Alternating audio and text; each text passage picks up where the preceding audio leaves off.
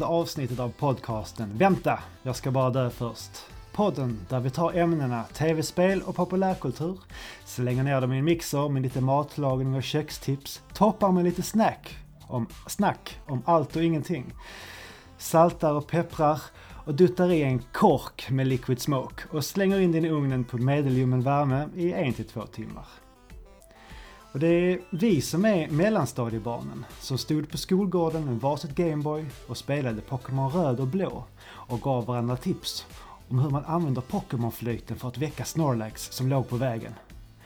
Och det var vi som bestämde att efter skolan så åker vi hem till Fredrik för att spela Super Smash Brothers till Nintendo 64 tills föräldrarna ringde hem oss till matborden. Men vi är också stjärnkocken på TV4 som ryter åt deltagarna att ska du, ha, ska du göra en hollandaise så ska du för helvete inte använda den pulversås. Kasta tallriken i golvet, springer gråtandes ut i studion, in i sin loge, slåser dörren, tar fram sin switch, torkar bort tårarna samtidigt som Super Mario gör livet lite enklare igen. Men framförallt så är vi den evigt krigande, monsterpeppande pappan Pajlen. Och när ni, och, när, och när ni hör detta, förhoppningsvis den nyblivna pappan Manne. Tjena Pajlen, hur är läget? Tjena Manne. Det är bara bra. Eh, det börjar vädras semester, skulle jag säga. Eh, jag tog en lite sen semester i år så eh, snart är det dags för mig. Och så där, så, ja, men det, det, det är bra tiderna som är. Det har inte blivit för varmt eller någonting än. Heller. Det har varit småregnigt nästan varje dag. Det är perfekt väder. Härligt. Och allting. Själv då Manne? Som du sa, du är ju snart pappa. Hur känns det? Jo, det känns... Uff. Det är långa dagar just nu. Ja. Vi har ju faktiskt beräknat eh, ankomstdatum är ju i dag när detta spelas in. Får se om vi klarar oss igenom hela podden. Precis. Det kan ju vara så att uh, vattnet går halvvägs in så då får vi göra en snabb sorti och då får du avsluta detta. Japp. Jag kör en solopodd den sista halvtimmen bara. Ja, men förutom det så jag, alltså jag känner fan mig så jävla gammal just nu. De senaste två dagarna när jag har kommit hem har jag typ så bara lagt mig på soffan och så har jag typ sovit i en timme och så har jag vaknat och så har haft lite, haft lite ont i kroppen. Och sen så har, då har maten varit färdig, så har man ätit och sen så har man typ så här tittat på någonting på eh, TV på kvällen och sen så har man i princip gått och lagt sig sen. Och vi hade lite flyttfix med jobbet för förra veckan och så ja. fick jag ont i en armbåge. Som är en sån typ, jag tror det är någon gammal skada. Så den ja. var liksom inte riktigt läkt än. Så ont i armbågen. Så när jag vaknade efter min lilla tupplur idag så hade jag även ont i handleden. Alltså jag känner mig så, jag känner mig redo för uh, det här pappa, pa, skadade pappalivet. det låter ju som att kroppen börjar, om inte liksom det mentala har kommit in i det än så är kroppen inne i pappalivet redan i alla fall. Ja, jag känner det varje gång jag böjer mig ner så är jag rädd att få ett ryggskott. ja, been there done that, got the t-shirt. Been there are there kanske jag ska säga. Ja, precis. Du är, du är mitt, mitt uppe i det. Ja, precis. ja. Men det, alltså, om du går i semesterlängtan så går jag i pappaledingslängtan. Ja. Det... det... det som vi sa lite grann precis innan vi spelade in här. Lite, lite avis på det där ändå. Det här förväntansfulla, gå och vänta på att ja, snart kommer det. Snart kommer den där lilla kravaten som har bakat där inne i nio månader. Jag har inte kunnat göra ett smack. Nu ska jag äntligen få vara till någon nytta. Liksom. Eh, men samtidigt så känner jag, nej. jag vill inte ha någon mer. Jag har två, det räcker. Good enough. Good ja, enough. det är absolut good enough. Jag, jag gläds åt har... dina vägnar istället. Ja, det får du göra. Ja. Vi håller på att läsa en bok nu som bland annat hon eh, Agnes Wold, hon som har varit ganska aktuell nu i, eh, ja, hon är väl bland annat pandemiolog. Mm. Men även läkare, föreläsare och massa sånt. Så skrivit en bok om just vad man kan förvänta sig om eh, vid ett, med ett nyfött barn. Mm. Och det är väldigt, väldigt bra. Mycket kloka grejer och väldigt just det här att tänka för att få en så jämställd eh, feministisk uppfostran som möjligt. Så Mm. mycket det här, ja men hur ska man tänka vid eh, ledighet i, i början? Försöka att inte fastna i de här klassiska fällorna med att det är mamman som är hemma hela tiden och gör mycket och sådär. Nu, det senaste kapitlet som vi läste nu precis innan vi började spela in. Det var om eh, eh, bajs, kräkningar och kolik. Så det var ett väldigt eh, peppande, sporrande kapitel. Ja, det där var koliken var ju vi riktigt, jätteoroliga riktigt för. taggad nu. Ja, jag förstår det. Eh, Ja. det, det. Det är mycket med det där. När, vem tog senaste blöjan? Var det du eller jag? Jag vet inte. Ja, men jag har bytt en bajsblöja gången här- senaste gången.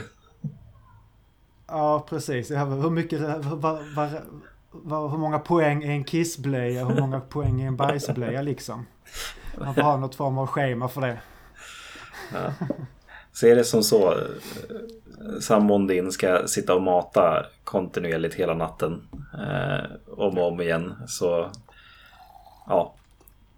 Ta blöjorna du man. Det, det kan du göra. Ja, det, det kommer jag såklart att göra. Ja. Så. Ah, fan, det var... Jag hade någonting... Ah, det, det kommer kanske tillbaka sen. Ja. Men vi, vi pratade ju om det här eh, förra podden att eh, fan nu kommer vi få så mycket hatbrev efter att vi rankade Link Between Worlds som ett bättre spel än Link to the Past. Ja. Det... Och det har, det har ju verkligen drällt in hatbrev här till vår mail. Vänta jag ska bara dö först. Ja. Den har, det har till och med varit tvungen att skickas tillbaka. Så mycket mejl har vi fått. Ja, precis. Nej, det har vi faktiskt inte fått. Men vi har faktiskt fått vårt allra första lyssnarmail. Så vi tänkte väl ta och läsa upp det, för det var lite frågor och lite diskussionsunderlägg här. Mm. Eh, hejsan man och Pajlen. Tack för en trevlig och gemytlig podd samt för alla recept och matlagningstips. Här kommer ett par frågor från mig till er att svara på individuellt. 1. Vad är ert bästa tips på den godaste hemlagade potatismoset? Själv kör jag på tre väldigt enkla och enligt mig självklara ingredienser utöver självaste potatisen.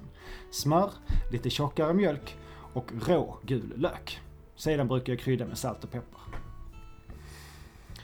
Hur brukar din klassiska mos eh, göras, Pajlen?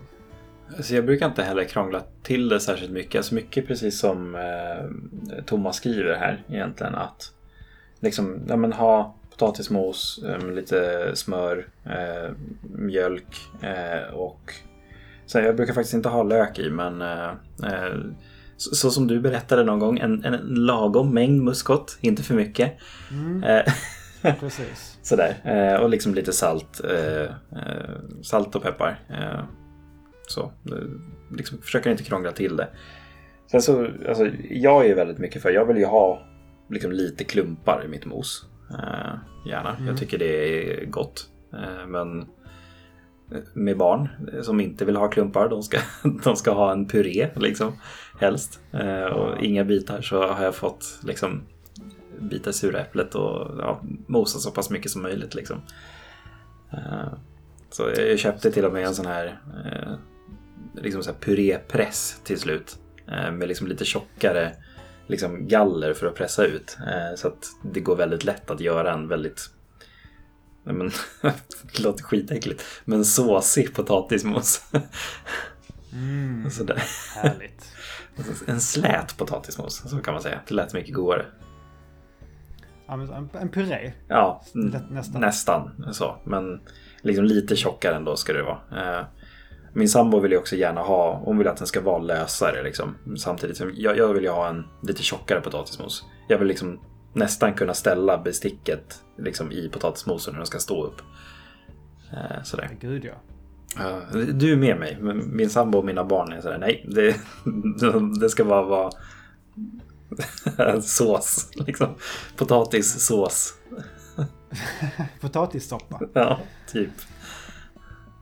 Eh, sådär, så, Brukar men... du köra vanlig stomp eller mo? Hur mosar du? Brukar du använda elvisp? Eh, jag har provat med elvisp eh, de gångerna liksom när jag har fått göra som, som jag vill. Eh, och sådär. Ja. Eh, men in, innan jag skaffade elvisp och sånt så körde jag typ med en, en gaffel och en sked så här, och bara mosade så bara det gott mm. gick. För jag har ingen riktig liksom, potatis eh, liksom, stomp eller någonting sånt dessvärre. Jag måste köpa ja. en.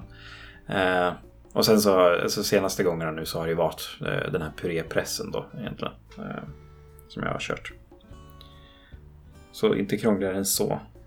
Själv då Manne, vad, vad är ditt tips för en bra potatismos? Ja, men jag säger nu som dig där att uh, vi brukar köra med ja, men smör. Oftast, vi brukar alltid ha så här gammaldags mjölk hemma. Mm. Så här 3,5 till 4,2 procent fett med en liten fettkant uppe på toppen. Så mm. man måste skaka ordentligt för att blanda runt. Den och sen, ja, Salt och peppar och lite muskot. Mm. Det brukar jag. är väldigt spännande. skulle vilja testa det här med eh, den här gula löken. Ja, alltså det låter väldigt gott faktiskt när jag ja. hörde det liksom. Uh, ja precis, så ju mer gräddet och smöret där kan nog balansera upp den här uh, rå, skarpa. Man kanske skulle ta, man skulle nästan kunna ta om man har rivit löken. Mm. Jag vet inte om den är riven eller hackad. Det, det är inte specificerat men lite så här man river den och sen låter den bryna på lite. Mm.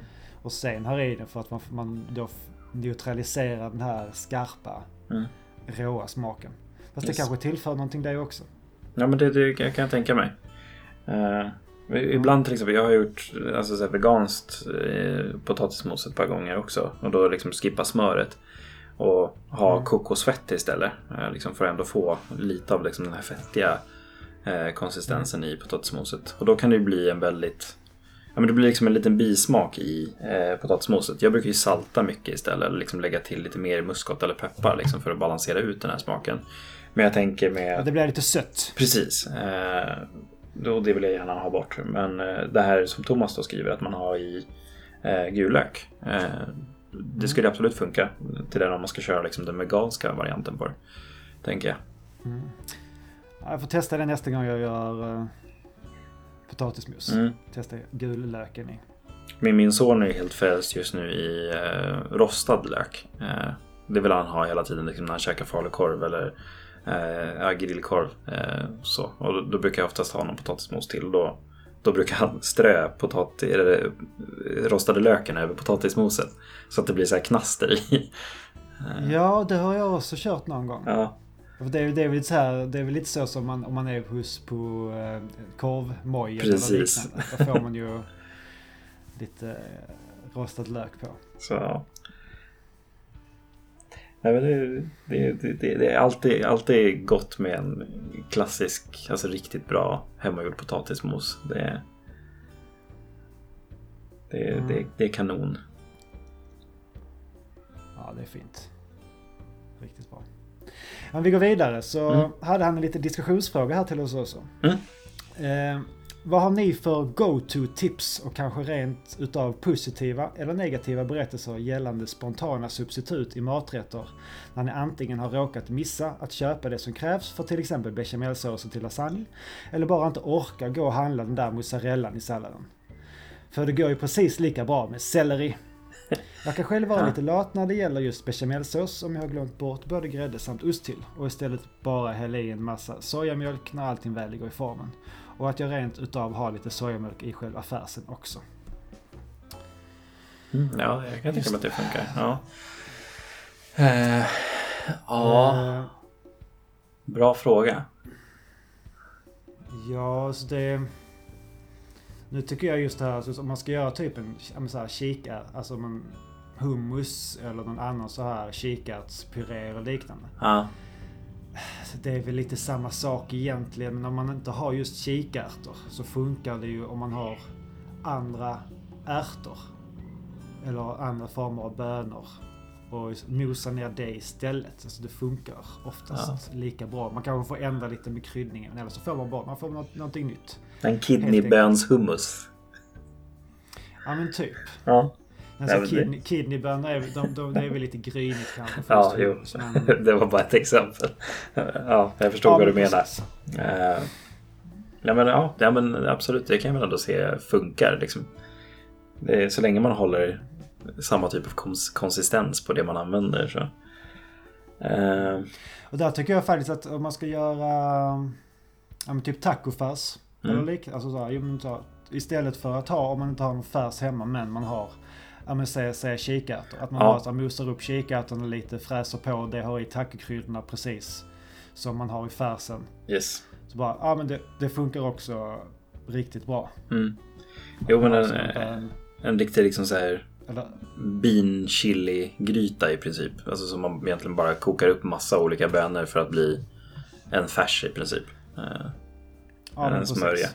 Och så det, det, kan ju bli lite torrt men då kan man ha om om man har typ krossade tomater ja, och liknande. Precis. Och, så, mosa ner det lite där och sen. Precis, men det, det, det har jag också gjort några gånger. Liksom, när jag har sett, ja, men sen när man har köpt på sig för mycket eh, bönor någon gång och så här. Vad fan, jag måste använda de här. Ja, men jag gör en bön chili liksom. Eh, och så, då kan man ju skippa färsen. Men ja, alltså så här, just när jag glömmer saker. Eh, jag vill inte säga att jag inte glömmer saker. Men jag brukar oftast bara så hitta på grejer. Alltså så här, ibland kan det ju vara Alltså så här, ja, men, som Thomas skriver, lasagne. Ibland glömmer jag ost till exempel.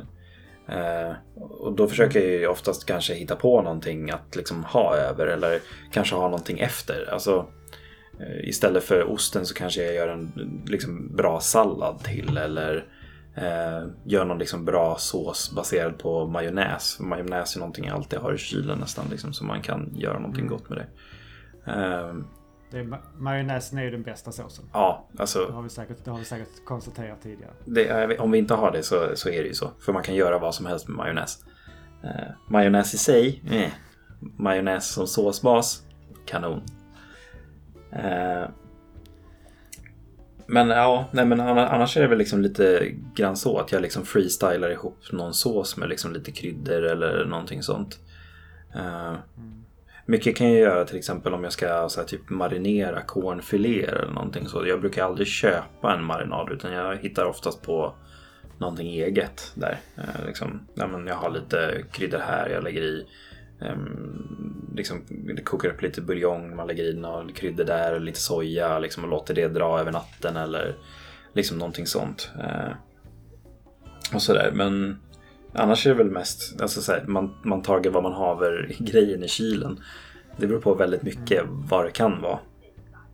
Jag kommer inte på något jag bra exempel. Jag jag, skulle, jag skulle, göra en uh, uh, bearnaisesås vid något tillfälle och då ska man ha Eh, vinäger i. Precis. För att få det här syra. Men så hade vi inte det hemma. Men då tror jag mosade i lime istället. Ah. Och det var att det är just det är ju syran man vill åt i vinäger. Ja. Sen så är väl inte limen, limen är lite, lite rundare, lite sötare i smaken. Precis. det blir inte, blir inte den här skarpa eh, syran Nej. som det är i vinäger. Men det var, det var en riktigt, det var nog en av de bästa bearnaisesåserna jag gjort. Just en lime, limebanne. Ja. ja. men det låter som en grej man absolut kan göra. Det, det, borde finnas en sån i kyldisken. Lomanders Lime B. Perfekt för en varm dag. Ja, vi kör en Evanders Lime B istället. Ja, precis. Det är bättre faktiskt. Men just det här med istället för bechamel i en eh, lasagne. Där jag crème fraîche. Eller ja, det har jag också använt. Ja. Det är så här, alltså det är, ha, alltså crème fraîche, det funkar ju till allt. Ja, gud ja. Det gör ju, det gör ju, allt, det gör ju allting lite, lite bättre. Crème fraîche och vi, vi, majonnäs, det är... alltså, man tar dem tillsammans. Det är då magin sker. Eller? Gud jo. Eh, vi går vidare så det här är väl med, det här är väl också en klassisk diskussion. Vi, klassisk fråga. Vilken sida av knäckebrödet brer man egentligen smöret på? Den hålade sidan eller den plattare sidan? Jag, jag har ju kommit fram till att detta här just att detta är en samhällsklassfråga. det är så? ja, gud ja. Det är så här, ja, jag det, förstår det... vad du tänker när jag tänker efter. Så, ja. ja. Det, är de, det är de som är så här högerspannet politiskt i familjen, då brer man på den hålade sidan. De som har det lite bättre gott ställt. De, om man inte har det, då tar man det på den plattare sidan för då går det inte åt lika mycket smör. Mm. förstår, förstår vad du menar. Eh, så, så vilken sida brer du på, Manne? Jag brer på den uh, uh, platta sidan. Jag är ju en uh, uppvuxen i uh, sossefamilj. ja. jag, jag har nog... Alltså så här, Jag är också uppvuxen på samma sätt som du beskriver. men jag tar nog fortfarande hålade sidan. Men ah, jag har inte så mycket smör å andra sidan. Jag tar väldigt lite smör på mina mackor på grund av att ja, jag, hade två bröder och liksom eh, mamma och pappa liksom under uppväxten. Det skulle räcka till alla var alltid min tanke. Jag har ju en sån där rolig anekdot lite grann just kring det där att så här, hur det var för mig att växa upp liksom i en sån familj där man alltid delade och alltid tänkte på alla andra. Eh, det var ju när jag flyttade ihop med min eh, sambo då och så här, skulle blanda saft. Och så här, hon bara, men du, du blandar ju liksom vatten med lite smak i. Och jag sa, ja men det måste ju räcka till alla andra. Hon bara, men det är ju bara du och jag här. Jag bara, ja jo, det är sant. Sådär så. Eh, jag, jag, har det tänket i alla fall. Även om jag brer på den hålade sidan.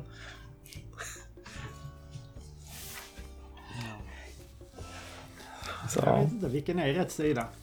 Det, det, det, det, är en viktig diskussion. Håller Mannes teori? Svara i kommentarerna. Precis, det är en, sam, det är en sån här klassfråga där. eh, sen sista frågan. Mm? Heter det pannkaka eller plättar? Tanken slog man när Pajlen beskrev skivade zucchini som plättar. Och jag som norrlänning och framförallt som en vanlig sund människa förstod genast att med detta menades små runda skivor. För det är ju trots allt det som en plätt är, medan pannkakor är de där stora, runda i samma storlek som en normalstor stekpanna. Ja, jag kan inte något annat än att hålla med Thomas här. Plätt är ju en liten pannkaka. Ja, yes. Och en pannkaka är ja, stekform, äh, stekpanns-sizen liksom. Det finns ju plättejärn och det är ju de eh, massa små, alltså typ ett gjutjärns, gjutjärnsstekpanna med massa ja. små former där man kan hälla upp massa småplättar. Ja, precis. Så ja, nej. Men, där, alltså, så, så, så, du, men just om man har skivade platta saker av någonting så är det en plätt. Det, har jag, det känner jag inte. Jag, jag varit ju lite konfunderad när du sa zucchiniplättar förra avsnittet. För jag tänker ju att en plätt en plätta i något, ja men då ska det i alla fall vara stekt. Ja, det, det, det, så, du stekte ju, du stekte ju zucchinin i Det gjorde jag ju. Så... Ja, just det. Fast man skulle ju kunna tolka det som att jag gör zucchiniplättar. Alltså typ gör en pannkakssmet med zucchini. Ja. Nu krånglar jag till det. Att, att du, du, du, du river eh, zucchinin och så gör du typ rårakor på zucchinin. Så det skulle man kunna göra. Då, då är det verkligen en zucchiniplätt. Ja. Om man inte gör den över hela, om, hela stekpannan för då blir det en zucchinipannkaka. Precis, eh, helt rätt var det. Eh, ja, nej men ja, jag vet inte. Alltså, det, var det bästa sättet jag kunde beskriva dem på tror jag. Alltså, zucchiniplättar. Eh, zucchiniskivor kan man säga också. Stekta zucchiniskivor. Ja, precis. Ja. Men absolut, plättar är små, pannkakor är stora. Ja. Uh, och han vill bara tacka för en uh, bra podd. Och, men han önskar på att den där klickande pennan som hörs i bakgrunden ska dö sitt sista extraliv snart. Ja. Så jag upptäckte, upptäckte också något klickande ljud. Ja, jag har hört det när jag har redigerat också. Jag vet inte riktigt vad det är. Men jag håller med dig Thomas. Den, den ska, den ska dö. Mm. Vi, vi jobbar på problemet och försöker åtgärda detta. Yes. Så tack så mycket Thomas. Kul brev. Mm. Och är det någon annan som har frågor eller andra diskussionsämnen som vi kan ta upp så får ni jättegärna mejla till oss eller skriva till Facebook eller till Instagram. Yes. Och allting står länkat i beskrivningen, precis som vanligt. Precis. Ja, eh, om vi går över lite till nu när det nu är det ju ändå sommar och på sommaren då kommer ju grillpappan fram i de flesta hushåll. Så vi tänkte yes. prata lite, lite grillning mm. i det här avsnittet. Vad Har du något, eh, något favorittips där? Uh, alltså, det finns väl ett gäng olika saker som jag brukar göra. Uh, framförallt har jag ju liksom, som vanligt som jag säger hela tiden, jag har fått lära om mig sen jag varit vegetarian liksom, det, det, finns ju ingenting lättare än att liksom bara slänga på grillkorvar eller liksom en bra köttbit och liksom grilla den till perfektion med en god marinad. Men liksom, ja, det funkar ju lika bra med en kornbit eller sådana saker. Eh, någonting jag gillar att göra dock är ju eh, liksom spettar. Eh, det, det, tycker jag är jävligt gott för man kan få väldigt mycket liksom mycket olika smaker och eh, allt möjligt med de här. Sa du, sa du, sa du spettar? Ja. Okej. Okay. Alltså typ köttspett ja, ja. eller grönsaks... Grill, grillspett. Grillspett. Ja, precis. Okej, okay. jag, jag, trodde det hette ett, flätt, ett spett, flera spett. Visste inte att man... Gud vad det smäller ute hos mig. Det kommer bli en, nu, nu försvinner pennan men nu hör jag smällar utanför mig. Eh, Ja, jag, jag, jag vet inte vad det heter. Grills, Grill, grillspett i alla fall. En vass pinne med någonting på som är gott. ja, ja, ja. Jag fattar vad du menar. Det ska vara så klart tydliga som möjligt så alla förstår. Ja. Eh, nej, men alltså någon form av eh, det. Eh, och alltså bara grönsaker, alltså liksom skogssvamp, eh, broccoli, eh, paprika, eh, zucchini. Alltså liksom sådana saker. Bara tryck på det på ett spett och liksom eh, grilla på det liksom med någon sås till att doppa. Eller om man marinerar svampen först kanske. Eh, kanske grilla på en eh, kornbit efter det eller eh, någonting sånt. Eh, en annan sak som jag brukar göra är eh, anammas formbara färs. Eh, liksom forma det runt en, ett grillspett och eh, liksom ha några bra kryddor och sånt i det. Och sen liksom bara grilla på den och sådär. Det, eh. det, det sitter på bra där också. Så det blir som eh, dolmar liksom. Ja, det blir det. Eh, dock, alltså precis. jag gjorde den här tabben typ första året vi var vegetarianer och första sommaren. Eh, då tinade jag eh, liksom så att jag kunde forma dem som spettar. Men och så, så liksom gjorde jag mina spettar, la dem i en burk och la in det i kylen över natten. Liksom. Och sen så dagen efter så skulle vi åka iväg då på den här grillfesten då hos några bekanta. Grejen är att mm. när Anammas formbara färs har tinat för mycket då ramlar den isär som att det vore papper. Eh, så liksom om man ska göra det så är det liksom tina färsen i liksom, typ 40 minuter om den bara ska stå framme. Eh, jag brukar köra typ över lite varmt vatten. Eh, ibland för att jag tinar den snabbare. Men liksom tina den så mycket som det rekommenderas på påsen. Och sen forma färserna på plats och sen direkt på grillen. Eh, då håller de. Men eh, liksom så här, ska man vara smart och göra dem dagen innan? Eh, det går inte. Det bara ramlar isär och så blir det liksom köttfärs bara. Eh, så blir det liksom inga då blir, klubbar. Då blir, då blir inte familjen glad. Nej, det blir det inte. Eh, så, så ja. Men eh, det, det är lite grann liksom det jag brukar göra. Liksom någon, någon god marinad på någon cornfilé. Grillade grönsaker. Eh, grillad paprika med någon fyllning. Skitgott. Mm. Eh, och sen liksom eh, formade köttspettar. Fylld svamp. Ja, det är, också det är jätte, jättegott. Och sen så alltså det finns ju bra också liksom så substitut. Jag har inte hittat något som jag tycker är riktigt, riktigt gott. Alltså till exempel när det kommer till grillkorv. Men där finns det ju jättemycket bra substitut om man ska ha det. Vi har anammaskorv, det finns jag vet att det finns omf korv nu. Och mm ja, men ärtkorv, liksom sådana saker. Sorrunda har ju väldigt bra veganska korvar. Med olika kryddningar och olika fyllningar och sånt där som ska vara ganska kanon på grillen har jag hört. Jag har inte provat. Uh, inte just på grill. Jag, test, jag, test, jag har testat, uh, tror det var Garants ägg. Det kan ha varit något annat. Men de har, hade dem på Willys i alla mm. fall. I deras uh, vegodisk. Mm. Kyl, någon kyl där någon chorizo de hade och de tyckte jag var riktigt bra faktiskt. Okej, okay. ja det måste jag nästan prova någon gång. Titta på det. Mm. Jag har även hört väldigt bra eh, just när det kommer till grillning. Eh, Hemköp har ett märke som typ heter så Juicy Vegan Burger.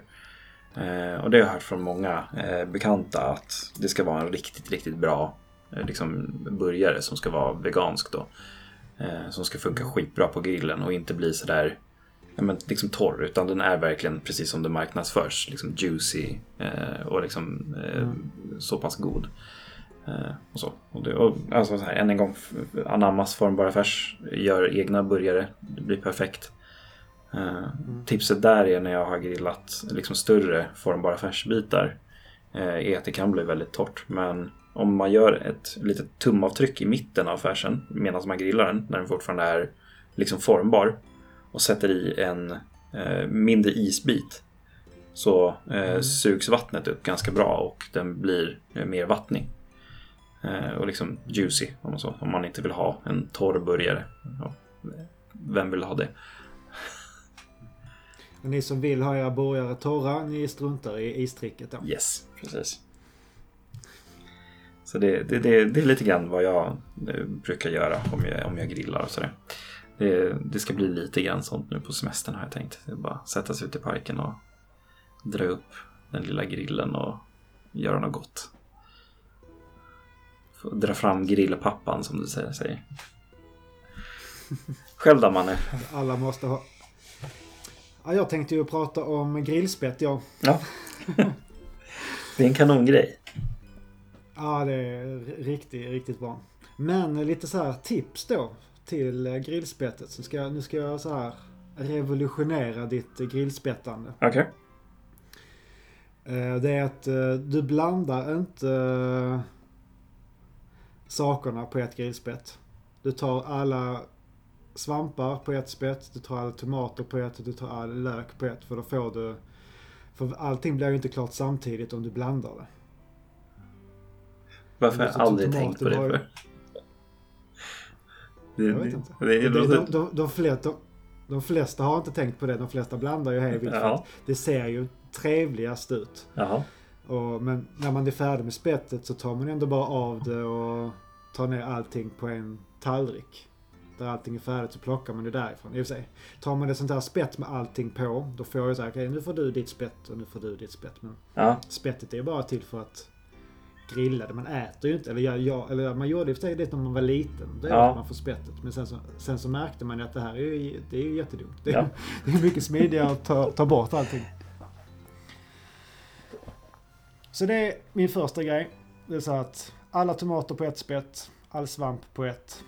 Und so weiter, und so weiter. Um, sen uh, annat tips som min mor, kära mor lärde mig sist vi var och grillade var att Eh, men ska du ha typ ja, men tomater eller något annat, eller zucchini eller något sånt där som är runt, som gärna snurrar. Och det är liksom för att man ska få det bra och att man får med sig hela spettet när man vänder det. Mm. Istället för att använda ett spett så tar du två spett och trär igenom som sitter kanske ja, en halv centimeter ifrån varandra. Då vänder du liksom allt ihop och då blir det inte det att det rullar runt. För då, lås, då blir det liksom som en låsning i spettet. Ja, jo, jag tror förstår jag vad du menar. Mm. Så, och då, då får man liksom, då kan man ju vända alltihop på en gång. För det funkar ju bra första gången man vänder det oftast. Ja, jo, Men sen när det, sen när det drar ihop sig lite, det blir lite blötare, du så här, får ut lite fukt och sådär. Då, då blir det lite svårare att få, få till vändningarna på ett smidigt sätt. Absolut. Så det är ett, ett tips till alla grillmammor och grillpappor Mm. där, där ute i, i sommaren. Kosta på er en extra träpinne när ni spettar upp. Precis. Ja, nej fan, det, det där med att lägga allt på samma. Det, det, när du sa det, det är så här, ja. Det låter ju jättesmart. Ja. Eh, sen så, som jag, något någonting som vi testade senast vi var och grillade var att eh, man grillade lök. Så slängde vi i eh, hela löken alltså utan att ta av det här yttersta, det här dåliga skalet. Så bara, man, det funkar liksom som ett folie typ. Så slänger man in allt den i, i glöden. Och sen så när man tar ut den så skalar man av det yttersta lagret så är det liksom, då är det ju bränt men det ska man ändå ta av. Så är det härligt fint. Lite så här kokt där inne. Funkar Mm. jättebra. Okej, ja. Det måste provas. Måste provas. Sen det som vi alltid har med oss när vi eh, grillar det är ju... eh, Det har ju varit... Vi försökte att strunta i att köpa halloumi ett tag. Bara för att, ja, men, det är, det är Why though? De använder så mycket antibiotika på Cypern och det är Ja, ja. inte de bästa förhållandena. Sen finns ju den här svenska varianten, eldost, som de har börjat kalla det. Mm. Men det är ju så fruktansvärt dyrt ofta. Det är ju det. Den, den kan liksom ligga på 500 kronor kilot. Absolut. Det är supermycket för en stor bit halloumi. Mm. Men den är oftast, jag tycker den vi har, vi har smakat på lite så här lokala eh, halloumis här uppe i Jämtland och den är, den är väldigt god. Den är inte lika salt som den grekiska. Nu prat, har vi mycket mer de här svenska, lite mjukare eh, ostsmakerna. Jo, nej men precis. Jag vet att jag har provat den någon gång, liksom den svenska varianten. Men ja, det... Det är inte riktigt samma sak. Nej, det är ju inte det. Det är inte det. Men jag, jag, jag tycker fortfarande, jag tycker väldigt mycket om den. Mm. Det, det blir lite som att, man, det blir som att grilla en hushållsost nästan, som inte smälter. Bra liknelse faktiskt. Väldigt. Ja. Visserligen, du vet man kan, man kan köpa en sån här riktigt stor halloumi på eh, så typ en kilos förpackning. Som är som ett enda stort stycke. Det, det Mm. tänkte vi att det här var ju jättesmidigt. Det här kan vi ju, så vi var ett gäng som skulle käka. Så men slänger vi på en hel sån. Men sen så började, så hade, när vi hade den på grillen så började den smälta. Bara, va? Va? Vad är, vad är det som händer? Började så här rinna och droppa genom eh, gallret. Och så bara, va? Nej, så här, så här ska inte halloumi reagera. Det är liksom det som är grejen. Den, den ska vara Så vi- vi- kompakt. Ja, det ska ju framförallt inte börja så här rinna. Nej. Ja, det var jättemärkligt. Så jag vet inte vad som hände med det, men... Men eh, om du gör en bra eh, marinad då? Vad brukar du, hur, hur... Beskriv lite hur, hur du går tillväga. Mm. Det här är ju väldigt beroende på vad jag vill ha ut för smak tror jag. Alltså vill jag ha liksom en lite mer syrlig eh, marinad, liksom, då kanske liksom mer lime. Ska jag ha liksom kanske lite syrlighet och hetta, ja men då kanske jag har liksom kanske lite limezest i och eh, liksom chili flakes. Eh, och så. Men oftast använder jag ju liksom eh, soja som eh, en bra bas. För att det, det suger åt sig. Speciellt väldigt bra i eh, till exempel corn och sådana saker. Eh, och Är det, är det så här kinesisk soja då, eller är det japansk? kinesisk soja använder jag eh, oftast. Liksom. Så jag har, jag har provat någon gång med japansk och jag, jag tycker den funkar bra. Men eh, det, det, som jag gillar med den kinesiska sojan är eh, dels liksom att den har en ganska bra perfekt sälta och att den faktiskt färgar sig lite grann. Alltså det, det ser faktiskt ut som en riktig marinad sen. Eh, mm. liksom, och det, det, suger åt sig väldigt bra av det här. Eh, speciellt som sagt kornen då som jag ofta marinerar. Eh, men eh, Ja, nej, alltså det, det, det, kan ju vara väldigt olika. Jag tror inte att jag har någon så här go-to-marinad. Alltså det är ingen så här som jag liksom... Ja men nu ska jag göra den här marinaden, swips, så är det klart. Utan alltså, det är mycket som vi har pratat om i den här podden.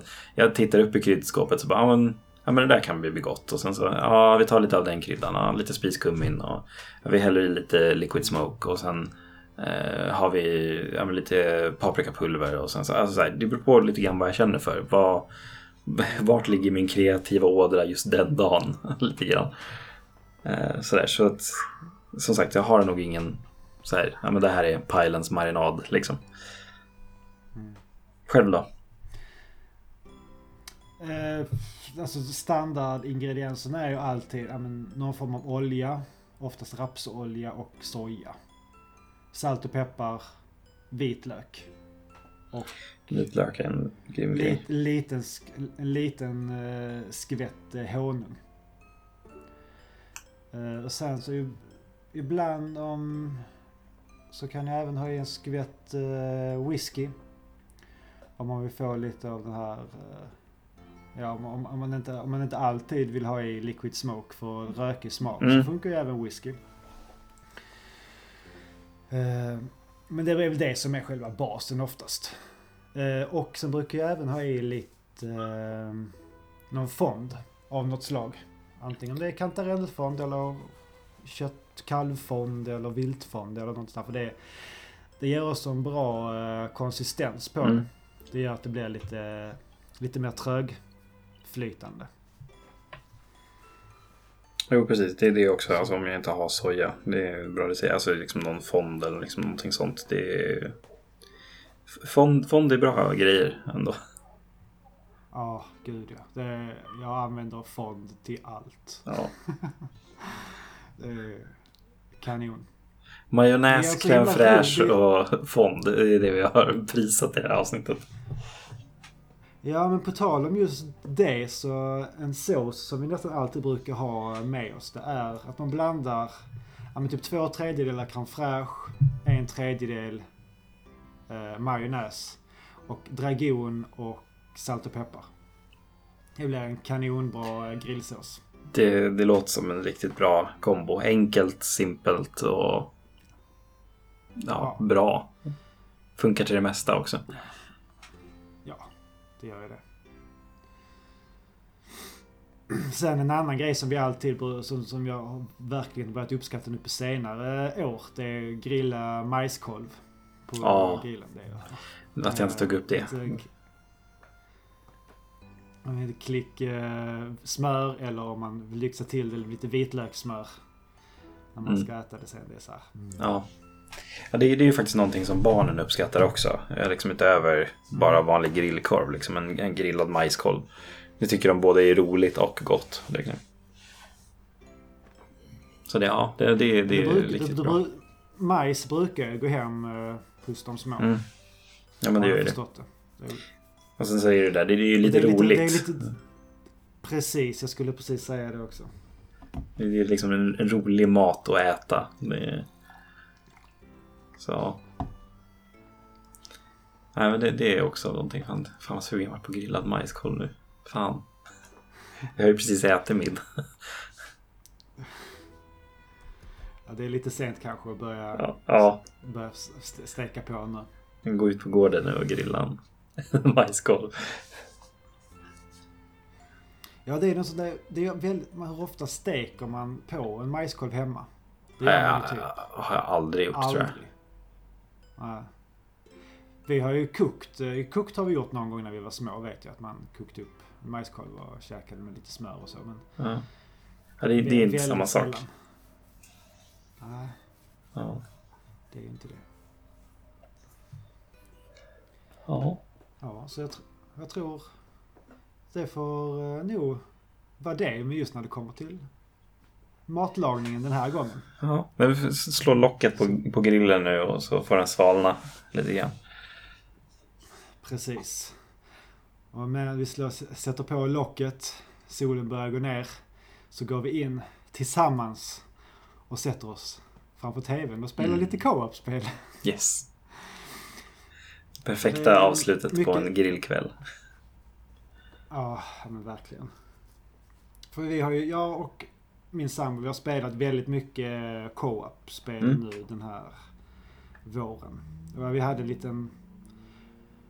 Ja, vi spelade ju väldigt mycket Zelda-spel ett tag, men både innan och efter har det blivit väldigt mycket ja, spel som man, jag tror, ja, två, tvåspelarspel. Mm. Och eh, ett spel som vi spelade för ganska länge sedan. Som jag, jag vet att jag nämnde det i podden att jag hade köpt eller skulle köpa. Det är uh, Unravel 2. Just det. Mm. Så det tänkte vi, tänkte jag ta och snacka lite om nu. Mm. Och uh, det är ju ett, ett pusselplattformsspel som är utvecklat av den svenska studion eh, Coldwood mm. Interactive. Det ska ju vara väldigt svenskt i känslan vad jag har förstått. Ja, det är... Man känner igen så mycket. Det är alltså grafik. Jag tror det är Unreal-motorn. Jag är inte helt säker. Jag kan inte de där så fråga inte mig. Nej, det, det, det, det, förlåt. Det, det är tydligen en modifierad Fire Engine. Säger mig ingenting. Nej, inte mig heller. Uh, men ja, det är ett sidskrollande plattformspusseläventyr. Om man spelar som uh, ett, eller man spelar ju som två stycken små uh, garnnystansfigurer. Jarny kallas de va? Yarn, ja precis. Ja. Det stämmer nog. Den tog hela spelvärlden med storm där, kommer jag ihåg. När första Unravel eh, utannonserades, kommer jag ihåg. Ja. Uh, och man springer igenom uh, ja, det är svenska skogar. Man är på någon svensk ja, men typ, det ser ut som något typ daghem eller någon skolgårdsaktigt. Mm. Man springer förbi typ en midsommarfest ute i skogen vid något hus med så här rött hus med vita knutar och man ser midsommarstänger. Det, det, alltså det är, det är väldigt svenskt. vackert. Och det är liksom, det kan inte bli mycket snyggare än så här i den stilen som det är tänkt att vara. Det är jättevackert verkligen. Och musiken är otroligt stämningsfull. Mm. Och passande. Eh, så man springer ju, och det är ju liksom tänkt att man ska vara två stycken i det här spelet. Man, eh, det handlar liksom om att ta sig förbi olika hinder. Det kan vara liksom grenar som ligger i vägen som man får putta på. Man har liksom så man kan skjuta ut garn från sig en bit. Mm. Snett upp eller så här så man kan liksom ta tag i eh, kanter och punkter som man kan typ svinga sig runt. Och man är ständigt eh, ihopkopplad på något sätt med eh, den andra figuren. Alltså genom liksom en garntråd eller? Ja, precis. Ja. Eh, så man liksom... Och då är pusslerna går ut liksom på att man ska tillsammans då hjälpas över. Det är att man en får hjälpa den andra att ta sig upp. Och när den andra väl har tagit sig upp på en höjd då kan man klättra upp längs sidan i garnet. Precis. Och om man hänger i någon, om jag står ovanför en plattform så kan du, så kan du hänga under mig och svinga. Så kan jag liksom kasta dig över till nästa platå så att säga. Det låter ju verkligen som att tvåan är helt, helt fokuserad på co-op då. För ettan var väl ett liksom enspelarspel av vad jag kommer ihåg. Jag har inte spelat själv. Uh, men eh, det låter ju verkligen som att det här är fokus på co-op eh, på det sättet då. Ja. Man kan ju spela det i single player också. Eh, men det är liksom... Är den... men är man, är man själv så tror jag att då får man styra de här två jarnisarna omlott. Okay. Mm. Med varandra. Jag kan, jag kan. Jag har faktiskt inte spelat i enspelarläget. Men... Som sagt, det, det låter ju som att det är roligare två. ja. Och hela, man är som, man slängs, det som händer i början av spelet är att man spolas i land på en ö. Och så ska man liksom ta sig fram och så lär man sig hur spelet fungerar. Man får liksom som följa en eh, liten, vad ska man säga, ett litet, en liten glödfigur. Det ser ut som typ en elva eller någonting sånt där. Det är något som blinkar, som vis, den visar liksom hur nu ska du ta det härifrån till dit. Okay, det är ja. en väldigt så här, introduktionsbana. Och då kommer man fram till ett fyrtorn som mm. är själva hubbvärlden. Och på den så finns det, är det sju stycken eh, olika kapitel mm. som man ska klara igenom. Och jag tror att ja, varje kapitel tar väl, jag tror vi, det tog väl oss ungefär ja, mellan en kvart och en halvtimme på varje bana. Så det var ganska lagom att man spelade ja, men kanske två banor på en kväll. Eller någonting sånt. Mm, det låter som att det är portionerat ganska bra. Liksom som ja, bite size eh, portioner på banor. Perfekt en, en gång för ett co-op-spel. Ja, verkligen. Sen eh, är, jag tyckte de, de är lite sladdriga i sin kontroll. Men det är så att det är ändå anpassat väldigt bra till spelet så det gör inte så jättemycket. Mm. Faktiskt. Och sen så var det precis som att man upptäckte som att det var några, det var vissa så här typ grenar som man inte kunde hålla i för länge för då, då trillade de ner. Men det var som att det var bara en animation för att grenen trillade ner. Man kunde fortfarande hänga kvar i själva punkten där grenen satt. Det var lite så lite märkliga grejer som framförallt vissa banor som inte var en del av själva huvudstoryn men det var lite så utmaningar man kunde göra som, man, skulle, man skulle klara vissa rum. Och där kunde det verkligen vara en riktigt, för vanliga spelet, eller så man säger, huvudstory, det var ganska, ja, men ganska straight forward. Man, man har oändligt med liv. Man, om man dör så börjar man bara om precis där man var. I princip. Det är väldigt förlåtande. Mm. Hur, hur skulle du säga att, eh, alltså så här, nu blir jag lite liksom nyfiken. Liksom, jag letar ju konstant efter spel som jag skulle kunna spela liksom, med min son. För det är lite så här kluven, liksom när du beskriver några av pusslerna. Det känns ju som att det skulle vara lite svårt för honom att förstå lösningen kring de här. Att, liksom att ja, man, han ska förstå fysiken liksom. Tror, ja, tror du att det är för svårt det, för en sexåring? Hur gammal är han? Sex. Fem? Han har precis fyllt år. Så. ja, nej men det, det borde inte vara något problem. Och mycket är sånt här att det, det är väldigt ostressat. Ja. Man har ofta väldigt, framförallt i början, de första banorna, man, man har väldigt mycket tid på sig och hoppa runt och... Jo, för att, du säger att det inte finns liksom så mycket konsekvenser. Man kommer tillbaka där man dör. Alltså det, är, det är perfekt liksom för hans ja. eh, liksom koncentrationsnivå och sådär. Att det inte finns eh, men de konsekvenserna som ja, man själv växte upp med. Eh, sådär, så att ja, jag har ju varit sugen på det här spelet länge. Just av den aspekten att kunna spela med eh, Max då. Eh, mm. Hur är, hur är stämningen överlag då, alltså utöver gameplay? Alltså är det, för första var ganska mörkt här för mig. Det är en lite... För, vad ska man säga, runt själva de här uh, jarnisarna. Mm. Så i bakgrunden så ser man ibland uh, händelseförlopp eller så här skuggfigurer av människor som har uh, som, alltså det är lite så här jobb, det kan vara lite en klump i magen känsla ibland. För det är som att man är i något rum och så har man sett, okej okay, här har suttit en pojke på ett barnhem eller, eller i korridorsrum och den sitter själv. Och det är så här, det är inget som sägs eller skrivs ut utan man... Det är en tyst berättelse liksom. Okay.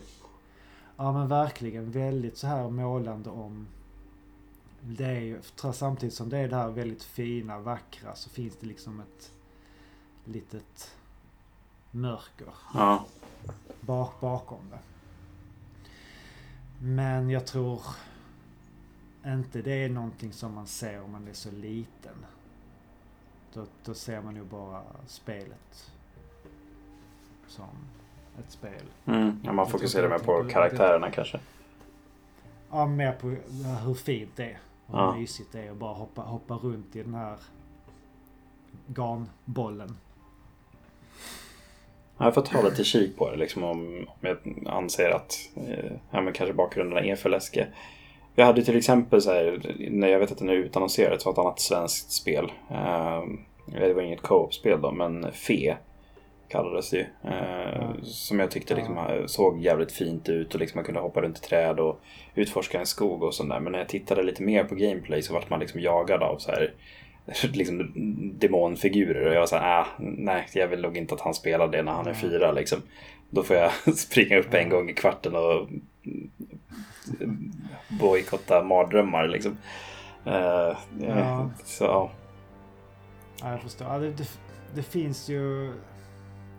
Nu var det ju ett par månader sedan jag spelade. Jag vet inte, det var i, i vissa av de här extra kapitlen som var lite mer utmaningar. Där kunde det vara lite så här lite mer stress och mer lite mer, lite jobbigare att man måste vara Men jag tycker inte jag vill minnas att det var någonting som var läskigt eller obehagligt. Nej. Men om det är någon annan som har bättre koll på det här så får ni jättegärna skriva det i avsnittskommentarerna. Mm. Hur ni minns det. Annars så kan man säkert kolla upp Let's Play eller liknande. Ja, precis. en känsla för det. Se vad, an vad andra tycker och säger rekommendationer. Så det, det var ett spel som jag spelade för ett tag sedan och det verkligen rekommenderade. Det är liksom, om vill man ha plattformsperfektion och jättesvår, och vill, någonting i stil med Celeste eller Shovel Knight så är det inte riktigt detta. Men det här är ju mer som ett ja, men ett mysigt co-op-spel. Mys, ha lite så här kvalitetstid med en kompis eller sin sambo eller sitt barn eller whatever. Mm. Ja, men det, det, det är en upp... upp bara, så bara upp. så här mysa in i eh, den här världen och de här gulliga små garnfigurerna. Ja. Det, det, alltså, så som jag har tolkat Unravel är att det är en upplevelse med lite plattforms moment. Mm. Jo men absolut, det kan man verkligen. Och det, det, det, säger jag med liksom med, med allra varmaste hjärta skulle jag säga. Så jag tycker mm. upplevelsespel är kanon. Det, ja, man behöver inte alltid svintight gameplay för att ha ett bra spel, tycker jag. Absolut inte. Men yes. Så, ja, det är ett spel jag spelade lite mer nyligen som också är, det är väl nog ännu mindre, inte alls lika stort eller känt. För jag, Unravel fick väl ändå en liten, vad ska man säga, det var väl ganska hyllat och populärt. Mm. Att det, det, det var ju ändå så en ganska stort, i alla fall i Sverige. Men det kanske beror på att det är en svensk studio.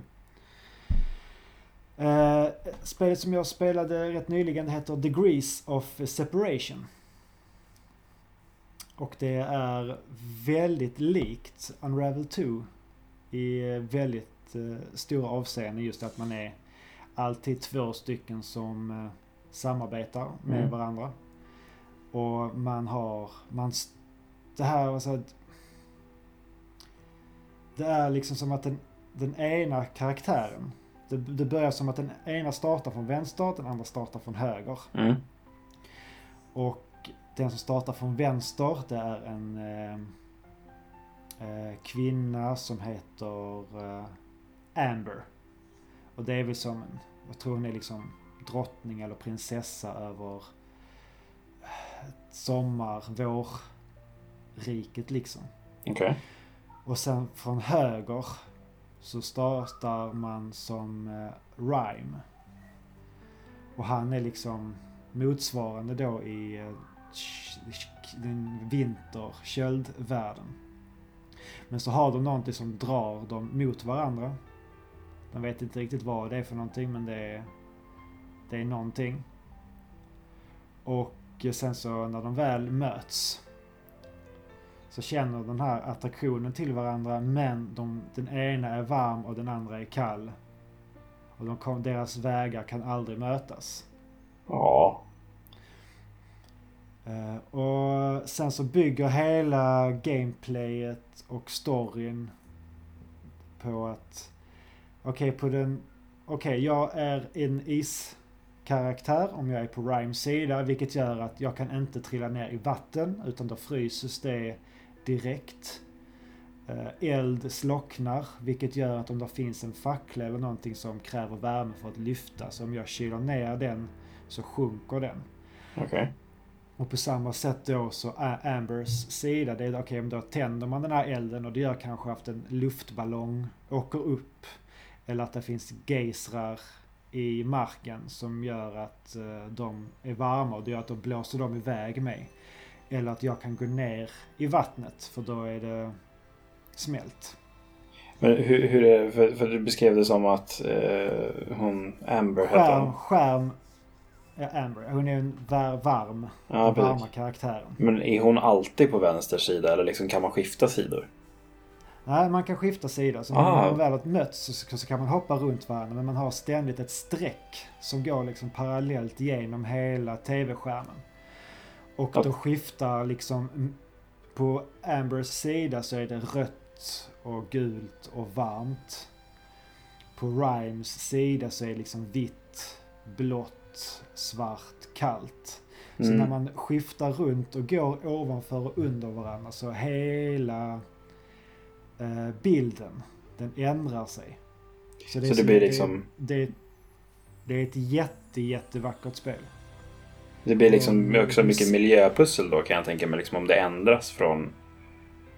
Att liksom omgivningen ja, ändras väldigt mycket det är så pusselskapandet är gjort. Att man då, om man då ändrar bron så står man långt ifrån varandra. Så är den här barriären också, då är man ganska långt ifrån den centerbarriären. Ja. Men så om man, den ena står lite högre upp än den andra så går den här linjen liksom snett igenom och så kan det vara Okej, okay, men vi behöver att den här delen den ska vara varm och den andra ska vara kall för att vissa plattformar ska försvinna eller dyka upp. Och så löser man liksom pussel. Man måste positionera ut sig och sen så okej okay, men du måste gå dit där först.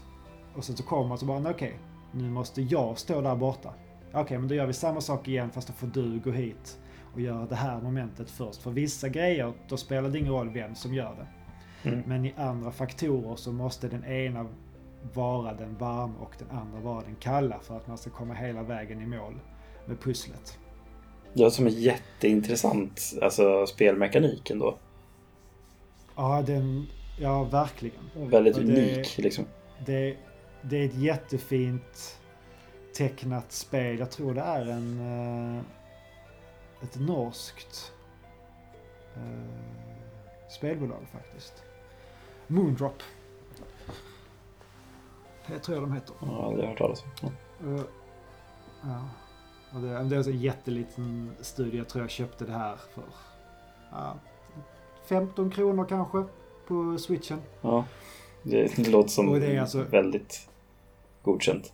Ja, det var ett riktigt, det, det var rena rånet. Uh, och det är just spelmekaniskt och hur det funkar och hur det ser ut. För man ändrar liksom inte bara att okej okay, det blir varmt eller kallt utan det är liksom hela det grafiska uh, som visas. Ja. Det ändrar ju från sommar till vinter. Och det går liksom så fort. Det bara beror om man liksom snurrar om det är någon som hänger i någonting och den andra springer under en eller hur man nu tar sig fram. Ja. Att, det, att det, det, är väldigt snabbt och smidigt i de här konstanta övergångarna som blir hela tiden. Mm. Musiken är också jättevacker väldigt så här stämningsgivande, uh, jättemysig. Och det är liksom hela tiden, de, de kämpar liksom för att så här ta sig framåt och man känner ju det under tiden att ju mer de samarbetar, de utvecklar de här uh, känslorna för varandra. Mm. Men lite alltså som Unravel där man ständigt är ihopkopplade med varandra genom det här garnnystet. Och här är man då istället konstant separerade från varandra. Man kan liksom aldrig mötas mm. riktigt. Men det låter som ett riktigt, ja, riktigt spännande ja, spel ändå. Ja, det är jättemysigt. Verkligen. Jag hade verkligen aldrig hört talas om det innan heller. Det är, alltså, det, det är inte, mm. Det är inte något spel som är på någons läppar känns det som. Nej, verkligen inte. Och sen så finns det så här varje, jag tror man, det finns en hubbvärld lite likt. Lite likt det här fyrtornet som i Unravel. Jag tror det finns eh, fem eller sex banor innan man kommer fram till den sista banan. Mm. Eh, målet på varje bana det är att försöka få tag i så många, vad är det egentligen, skarfsar. Skarfar, en skarf, flera skarfsar. Ja, halsdukar. Ja. ja, precis. Um, ja, det är något symboliskt i det här spelet i alla fall. Jag vet inte varför. Men de här halsdukarna, det är så att man behöver inte ta alla. Kommer man till ett pussel där man inte lyckas ta den halsduken, då är det oftast bara så att ja, men gå vidare. Ja. För det, det, krävs inte att du ska klara pusslet för att ta dig vidare. Men du vill ha halsdukarna för att kunna låsa mm. upp senare banor. Från den här Okej, okay, så man, man ska ha ett visst antal halsdukar för att låsa upp nästa bana liksom? Ja, men precis. Ja. Och även i den här hubbvärlden så finns det lite dolda eh, halsdukar mm. som man kan hitta. Och sen så har varje bana sitt specifika tema och en specifik eh, mekanik. Eh, som en bana till exempel, då finns det att man kan frysa den här eh, linjen som är mellan oss. Så kan man hitta liksom någon lutning på den, så fryser man den och sen så kan man liksom gå upp längs den här linjen. Då fungerar det som en platå. Då kan man liksom använda den för att ta sig upp till nästa ställe och sen när man kommit upp dit Okej, okay, men nu tar vi bort linjen och sen så sätter vi ut en ny linje som är mellan oss på, en annan, på ett annat sätt. Mm. Och då är, då är det mekaniken hela den banan. Sen en annan bana är så att, okej okay, men här, om vi kommer för nära varandra så blir det någon form av eh, explosion. Och den gör att antingen låser den upp områden eller så kan man använda den som en, eh, man skjuter iväg sig själv som en projektil. Och då kan man då komma i specifik, en specifik vinkel. När man träffar varandra så skjuts man iväg för att komma över och klara ett pussel på det sättet. Och det är att antingen så skjuts, aktiveras den här explosionen av att man kommer nära varandra, för man får ju aldrig riktigt mötas. Eller så kan man eh, sätta igång den själv. Och då kan det, det kan ju vara någon sån knäpp grej där som att okej, okay, då måste den, han som har, han som kan gå eh, på eh, vatten då, Rhyme, han går på isen. Men Amber får ju aldrig trilla ner. Så då måste man liksom studsa uppe på Amber med hjälp av den här eh, explosionsmekaniken. Samtidigt som att Rhyme går över isen så ska den andra försöka hålla sig ovanför. För kommer man för långt till ena hållet eller andra hållet så skjuts man iväg. Så man måste ligga... Ja, men mycket kommunikation, lite, lite frustration har det ändå blivit. Ja, jag kan tänka mig det. Det låter som ett sånt spel man kan bli osams i. Mm. Sen så det, det finns ett litet... Uh, alltså det, det är egentligen det enda minuset för mitt eget håll. att det känns lite som att man styr en sprattelgubbe. Ja, det är lite såhär wonky styrning liksom. Som, som går på månen. Jag vet exakt vilken typ av styrning du pratar om. Ja. Och så finns det en jättekonstig grej att när man hänger på en eh, klippavsats och ska dra sig upp. Så räcker det inte med att man trycker upp så klättrar man upp. Utan man måste hålla inne klätter alltså, hålla inne klätterknappen längs hela animationen. Annars ramlar man. Annars så, annars så hänger den ner sig. Och det är inte att den ja. ramlar ner utan bara, nej okej då hänger jag mig med raka armar här igen. Ja, vad jobbigt. Ja, framförallt när det är så vissa så små plattformar som man ska klättra upp för. För det är det så att om jag håller inne fram för länge som gör att jag klättrar upp. Då börjar jag gå precis när jag kommit upp och då trillar jag ner på andra sidan. Istället för att bara trycka på en knapp, komma upp precis och så vet jag att jag står där uppe. Ja. Så det är flera gånger man står på en kant och bara klättrar upp, är nästan uppe, släpper knappen, ah, jag var inte tidig, så trillar man ner igen. Så Det låter som ett sånt här, så här ah. första spel för en studio någon gång med sådana här små eh, irritationsmoment när det kommer till ja, men hur man rör sig och sådana saker. Ja. Men annars, alltså, fan, jag har varit jättesugen på det här mannen. Det lät jätteintressant. Alltså som sagt väldigt unik. Eh, mm. liksom, idé måste jag ändå säga. Eh. Mm. Och det är så här, det är, också, det är så vackert. Är, man, man smälter bokstavligt talat när man tittar på det och lyssnar på det. Ja. Ja men det här måste jag kolla in. Det här måste ja. jag ha ett öga på. Om du köpte det för 15 spänn också. Då borde det komma på rea någon, någon annan gång också tänker jag. Ja. Eh, för det var Switch du hade spelat på. Alltså, ja precis. Ja. Det var till Switch men det finns på Steam och jag tror det finns på Ja de flesta ja. plattformar. Ja, intressant, intressant. Ja. Mm. Så det är två riktigt mysiga, vackra, just att de är så lika på många sätt. Men mm. det är ändå väldigt... Medan Unravel 2 är mycket mer samma, samma i gameplay-mekaniken. Det är bara att pusslen förändras och utvecklas. Här är det visst, det, är mycket, det bygger på samma mekanik i det andra. Men varje bana har sin, sin egen take och mm. touch på hur man ska använda den här separationen de har mellan varandra. Mm. Vad hette det nu igen? Degrees of separation. Degrees of separation, ja. Ja men som sagt, jag ska, jag ska lägga in den på min wishlist på switchen. Ska jag... Ja. Do it! Perfekt. Perfekt. Mm. Då så. Uh, jag har ju ett eh, co-op-tips som säkert många har gjort. Uh, men jag har inte spelat så jättemycket liksom, co-op-spel senaste tiden. Senaste var ju uh, Horizon Chase Turbo som vi har pratat om. Vilket jag har blivit lite frustrerad på för att den, den hänger sig tydligen på Switch hela tiden. så att vi har typ tappat suget totalt jag och min sambo. Ja, jag förstår det. det... Framförallt för det, det kunde också hänga sig när vi spelade emellanåt. Men då ja. var det... Det var liksom så här, det hände kanske en gång på en kväll. Ja. När man spelade tre timmar eller någonting sånt där. Ja, vi, vi, vi har fått typ var, vartannat race. Eh, så, här, så har man kört, Uff, eh, så här, man är på lopp tre av tre. Man så här, börjar knapa in på den som ligger tvåa. Bara, men jag kan nog ta första platser. Och så bara nej. Eh, fryser. Och man bara nej, nu orkar jag inte mer. Så ja, det, det, har blivit lite lidande av det. Men det jag har co-opat är då legobygge med min son.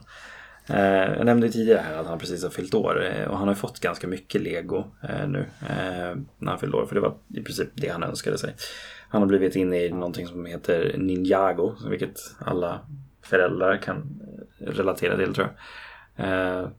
Okay. Och det, det är någon typ ny Lego-serie liksom med eh, ninjor i fokus i princip. Eh, jag har inte satt in mig i det så mycket. Eh, men där, han, han, är ju sex år liksom och han har fått ganska liksom, stora byggen som tar mycket tid. Och eh, Max har ju oftast väldigt svårt att koncentrera sig längre stunder. Vilket har gjort att vi har suttit mycket tillsammans liksom, och byggt. Eh, och jag har utmanat honom i att eh, liksom, försöka bygga själv. Så att jag liksom visar de knepen jag har. Jag sorterar upp eh, liksom, eh, bitarna efter färg och sådär. Och sen så gör vi en eh, liksom, påse i taget. Någon av de byggena vi håller på med nu till exempel. Då är det fyra olika påsar liksom, till en gigantisk liksom, ninja-robot som små ninja-figurer ska sitta i. Eh, och vi har kommit ungefär halvvägs nu eller någonting sådär. Inne på påse två av fyra. Eh, och, men det här har verkligen varit väldigt rogivande eh, för oss båda. Liksom. Också få se honom blomma ut i liksom, och känna sig stolt över att han lyckas med någonting. Liksom att han får någonting från ja, den här lilla, lilla klossen till att växa. Till att bli någonting och se ut som någonting. Har, liksom, det har varit väldigt, väldigt roligt. Och Lego är ju någon sån där sak som jag tror att det är många som relaterar till att här, man lekte mycket med Lego när man var liten. Sen längtar man bara tills man kan bygga lego med, med sina barn igen. Eh, så att eh, det, det, har varit liksom riktigt, riktigt kul att få göra här och vi har ett gäng olika byggsatser kvar att bygga. Uh, han fick eh, ett gäng eh, sådana här Ninjago-figurer då och sen så har vi en liksom Iron Man-figur som han fick av sina kompisar när han fyllde år och, då, och sen så en, en annan jättestor med War Machine som också då är från Iron Man. Som är nästan lika stor som den som vi håller på med nu. Eh, och så fick han även eh, i julas, har vi inte ens börjat med än, så fick han en jättestor brandbil eh, som är nog den största han har. Och den tittar han ju på mycket. Jag bara, den här kommer jag aldrig lyckas bygga pappa. Jag bara, jo, men det ska vi göra. Vi gör det tillsammans liksom. Eh, och så. så eh, Just nu håller vi på att bygga och sen så måste vi göra plats i hans rum för han har så jäkla mycket andra leksaker överallt att vi har, vi har inte plats för legot längre. Eh, det måste ju stå någonstans. Eh. Ja, jag, jag kommer själv ihåg när jag var typ så här, ja men jag måste varit sju, åtta eller någonting sånt. Ja. När legobygget verkligen tog fart. Och man hade typ, så, eh, vad heter det, golv eller vad heter det, legoplattor som ja. man kunde så här, sätta, sätta ihop. Så jag hade väl kanske en fyra gånger fem sådana. Och de var väl kanske en 30 centimeter, 20-30 centimeter ja. breda.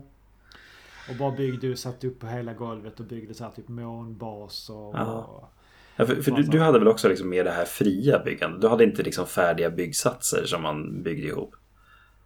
Nej, både och. Ja. Uh, man körde ju byggsatser men sen så tröttnade man på det så då tog man ner det i en, i en all-låda. Ja, precis. Nej, men för, för, jag hade nog aldrig några... Sen så, sen så, Fortsätt Ja, precis. Nej, precis. Jag hade aldrig något sånt. Jag vet att jag hade någon sådär som jag fick. Men jag hade liksom en massiv back med liksom blandade bitar. Så jag, jag fantasibyggde ju väldigt mycket liksom. Uh, och det, det, det, var ju liksom lego för mig. Men ja, lego har ju blivit någonting annat idag liksom. Det är ju eh, produktgrejer mer än någonting annat.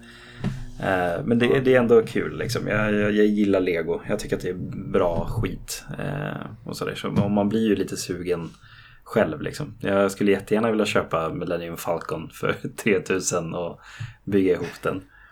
Uh, jag, har en, eh, jag har en kompis här i stan. Han har också jättemycket Lego, så här, vuxen-lego. Ja, precis. Vuxen-lego. Det här, det här är pappas lego. Jag, vet, jag sa det till eh, Max häromdagen. Eh, men de utannonserade ju den coolaste legobyggsatsen jag har sett eh, någonsin. Jag vet inte om du har sett den än, Manne? Eh, men första augusti så ska de lansera en, eh, ett Lego-byggsats som är Nintendo 8-bitars. Alltså konsolen. Ja, just det. Jag såg den. Ja. Jag såg den. Och så får man ju bygga ihop en retro-tv liksom, med antenn och allting.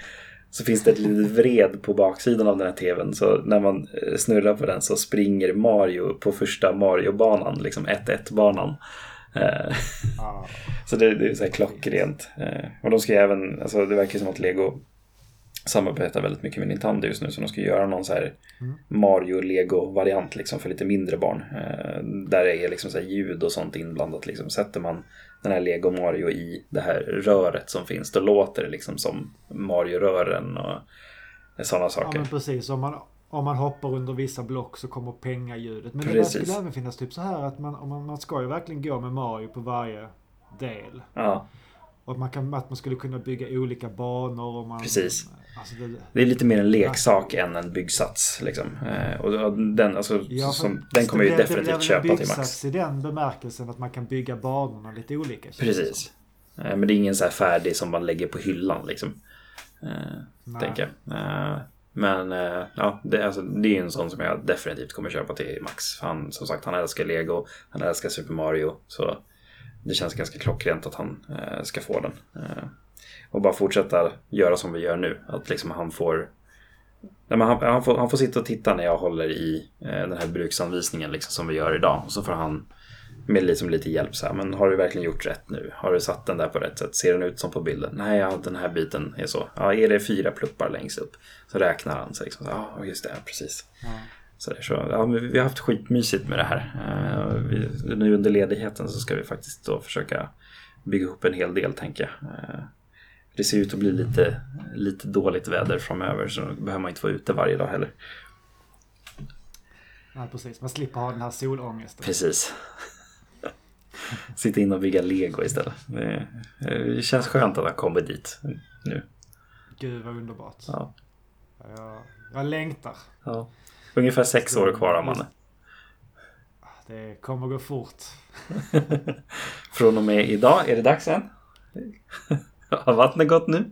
Eller har vi klarat oss? Ja, jag, jag, jag har inte hört någonting Nej. från vardagsrummet än. Så jag tror... Eh, jag tror det, vi, vi kommer nog bli fär, kunna runda av det här i alla fall. Ja, det ser så ut va. Vi har poddat ett tag nu va? Ja. Ja, 1.20. Yes. Mm. En annan sak som vi har tänkt eh, då eh, lite grann. Eh, fortsätta bredda ut. Eh, vänta, jag ska bara dö först lite mer. Eh, är ju, för jag, jag började fundera på det här i veckan. Ja, det är ju två spel som släpps ganska snart, två stora spel. Eh, Paper Mario and the Origami King eh, som jag kommer spela definitivt. Och en av de spelen som jag ser väldigt, väldigt mycket fram emot eh, och har gjort väldigt länge till PS4. Ghost of Tsushima. Det här samurai ninja-spelet från eh, Sucker Punch. Som har gjort då Infamous och eh, vad har de gjort mer? Sly, Sly Cooper-spelen. Jag började fundera lite grann på om eh, jag inte ska streama lite grann från Ghost of Tsushima. Och, eh, köra lite därifrån. Och ja, men visa lite grann hur, hur spelet ser ut. Så är det någon som är nyfiken eller eh, liksom vill kolla in så och om det finns något intresse kring eh, en stream så hör jättegärna av er. Så ska vi se till att få till det. Ja, men eh, och även om inte folk är intresserade så vi kommer vi köra ändå. Det, får mm. ju, det kan ju, som sagt, det är ju ett annat sätt att locka folk till eh, kanalen. Jo, precis. Men du, du, men det kommer ju inte vara med... I dagsläget som det ser ut nu så har vi ju inte möjlighet att filma. Nej, jag har ingen kamera dessvärre. Men eh, ljud har jag så pass, så pass enkelt som jag vet att det är att bara koppla in min eh, Blue Yeti mic i PS4 och trycka på share-knappen. Så kan jag göra så. Eh, och som sagt, alltså det kan vara kul att ha ett lite färskare spel. Om folk är nyfikna och sånt där. Och precis som Manne säger, eftersom att det är ett så färskt spel så kanske någon annan helt ny kommer in och liksom, ja men vad är vänta jag ska bara dö först liksom. Så Precis. Får, man, får man bredda sig lite grann.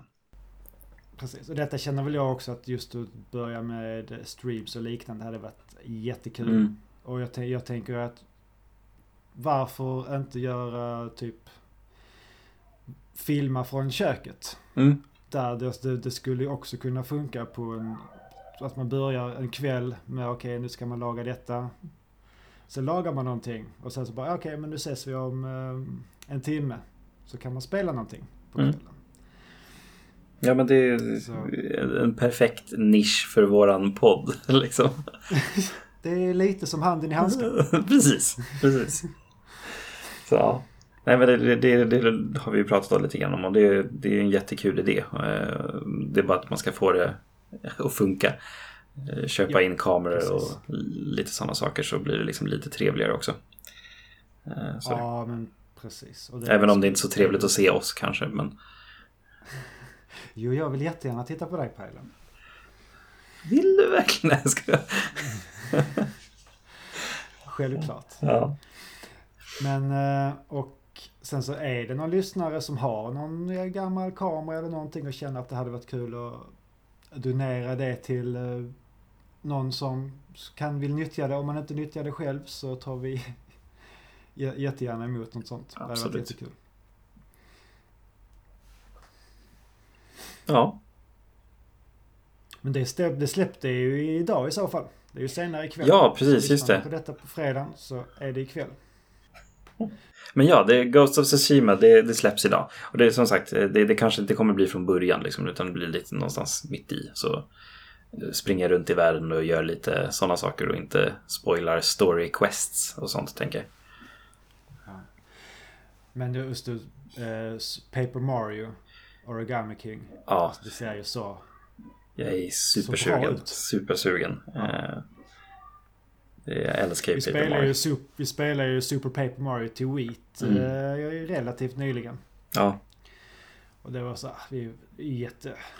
Det är så charmigt och det är så mycket humor. Det ja. Är, ja, det är... Och just ja. den här uh, Nintendo-polishen på ja. allting där. Det är, jag är fortfarande bitter än idag över att jag köpte uh, Paper Mario and the Thousand Year Door till GameCube spelade igenom det och sen sålde tillbaka det liksom till affären jag köpte det ifrån och bytte det till något annat mediokert spel. Eh, för att idag så går ju de skivorna loss på typ så 800 spänn. Något sådär. Eh, det är jättedyrt att köpa Thousand Year Door idag. Eh, för att det är så älskat liksom.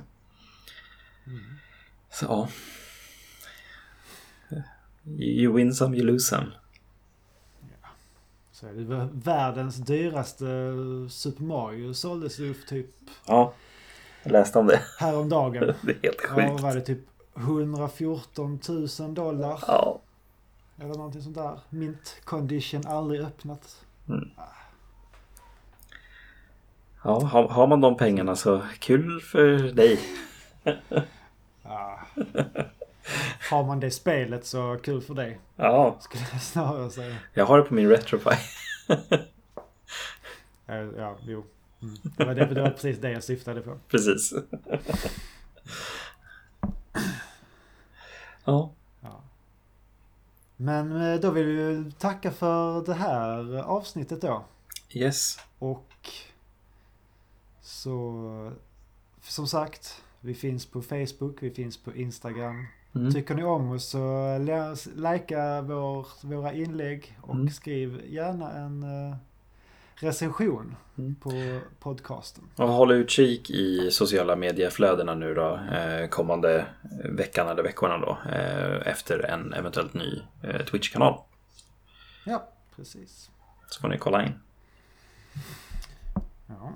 Det kommer stå länkade har... i beskrivningen från och med nästa avsnitt.